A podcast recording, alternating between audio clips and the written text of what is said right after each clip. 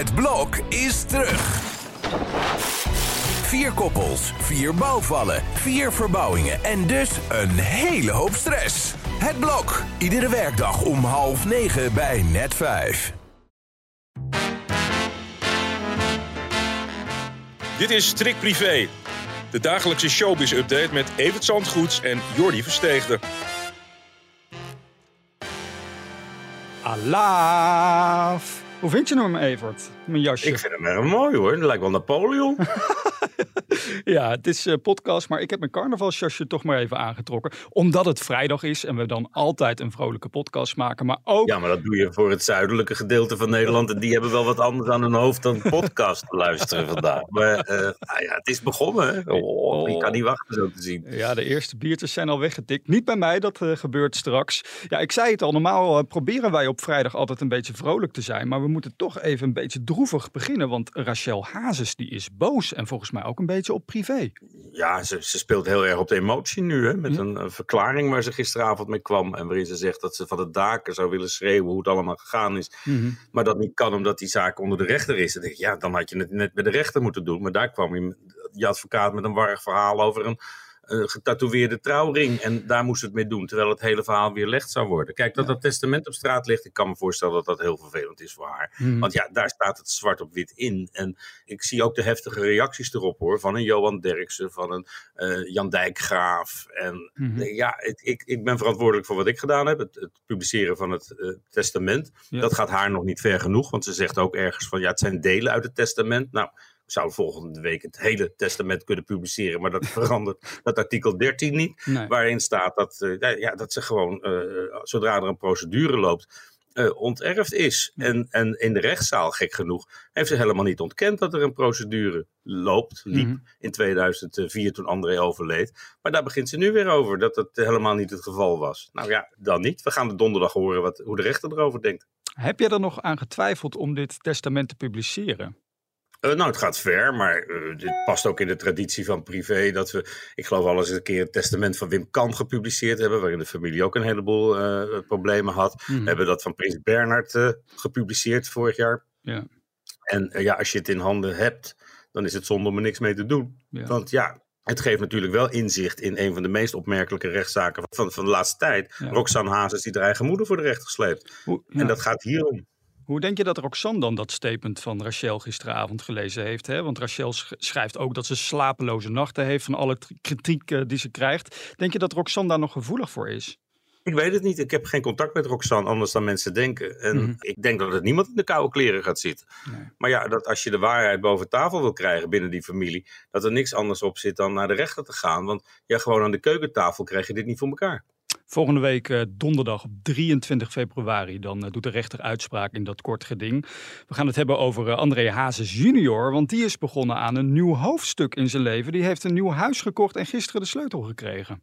Ja, nou ja, dat is het hoog tijd, denk ik. Je moet toch een eigen huis, een eigen plek onder de zon hebben, zoals collega René eh, vroeger eh, ooit zong. Ja. En eh, hij heeft natuurlijk echt als een nomade geleefd de afgelopen jaren. Wel bij Monique, niet bij Monique.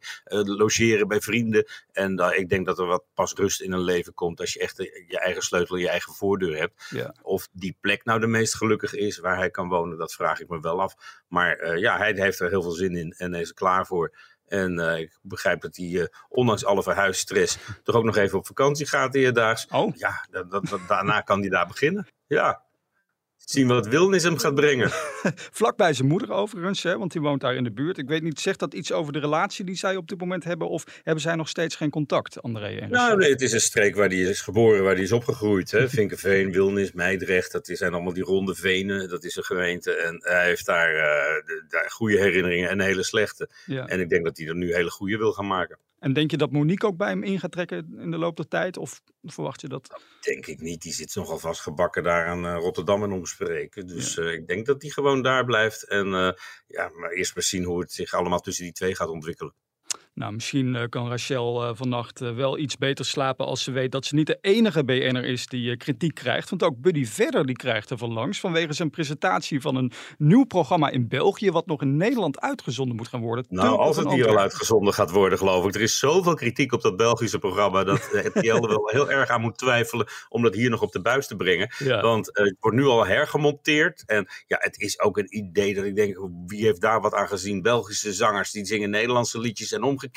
En uh, we hebben één voorbeeldje kunnen vinden alvast, want het is hier niet te streamen. En uh, nou ja, dat is uh, dit beroemde liedje van Raymond van het Groenewoud van, van uit 1990. Gisteren ging ik naar de cinema.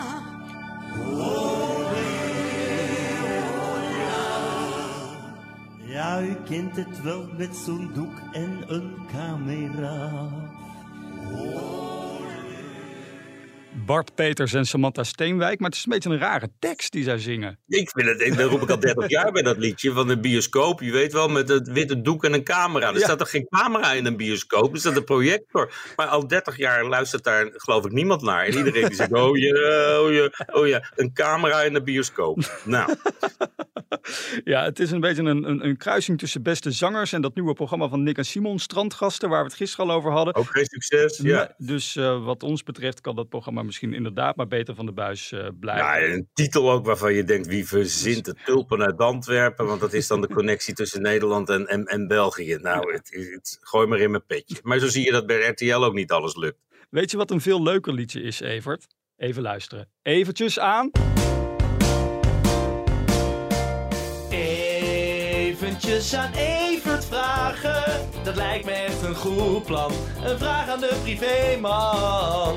Ja, want gelukkig eh, ben ik niet de enige carnavalsliefhebber. Ook luisteraar Ans is dat. Want die vroeg zich af, uh, hoe ging jij dan vroeger verkleed met carnaval, Evert? Nou, ik deed dat meestal in een bos en dan is het vrij makkelijk. Dan heb je een boerenkiel en een sjaal, rood, wit, geel. Oh, ja. En uh, dan was je klaar. En ik had nog ooit een konijn op mijn schouder zitten. Maar, uh, van plush, dat begrijp je wel. Dus uh, nou had je heel veel aanspraak. Iedereen ging aan dat konijntje zitten. En dan, uh, ja, mensen die geen carnaval vieren, die hebben werkelijk geen idee. Die denken, die is gek. Maar... Nou, inderdaad, er zijn ook mensen die geen carnaval vieren. Tina, laat ik dan nog maar één extra vraag even meepakken in deze podcast. Die vraagt zich namelijk af, met wie zit je nou het liefste aan de desk bij Shownieuws? Ja, ik, ik, ik vind dat wel een hele leuke groep. De mensen met wie ik zit, die, eh, daar kan ik het allemaal wel goed mee vinden. Mhm. En uh, ja, Patty ken ik al ontzettend lang natuurlijk, dus dat is altijd gezellig. Maar twee jaar geleden heeft iemand bedacht om Tooske naast me te zetten. En dat klikt ook ontzettend. Van de week met een gegeten, een avond. Heel erg gezellig, dus daar ben ik ook heel erg blij mee. En uh, Bram Moskowitz ben ik erg opgesteld, die is gezellig. Dus ja, het is al met al wel een, een, een leuk gezelschap. Kijk, je komt een uur van tevoren binnen. Na de uitzending ben je onmiddellijk weer weg. Ja. Maar we drinken altijd uh, zo'n uurtje van tevoren zitten we bij elkaar. En dan wordt er eigenlijk de sfeer van de uitzending al een beetje bepaald.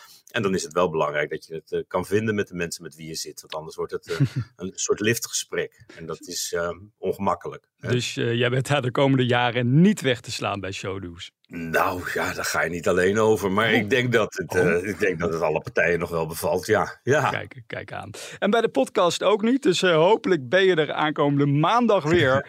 Want dan, dan gaan we, als jij er maar bent, we gaan het zien. Om 12 uur zijn we er. Een weekend. Allemaal.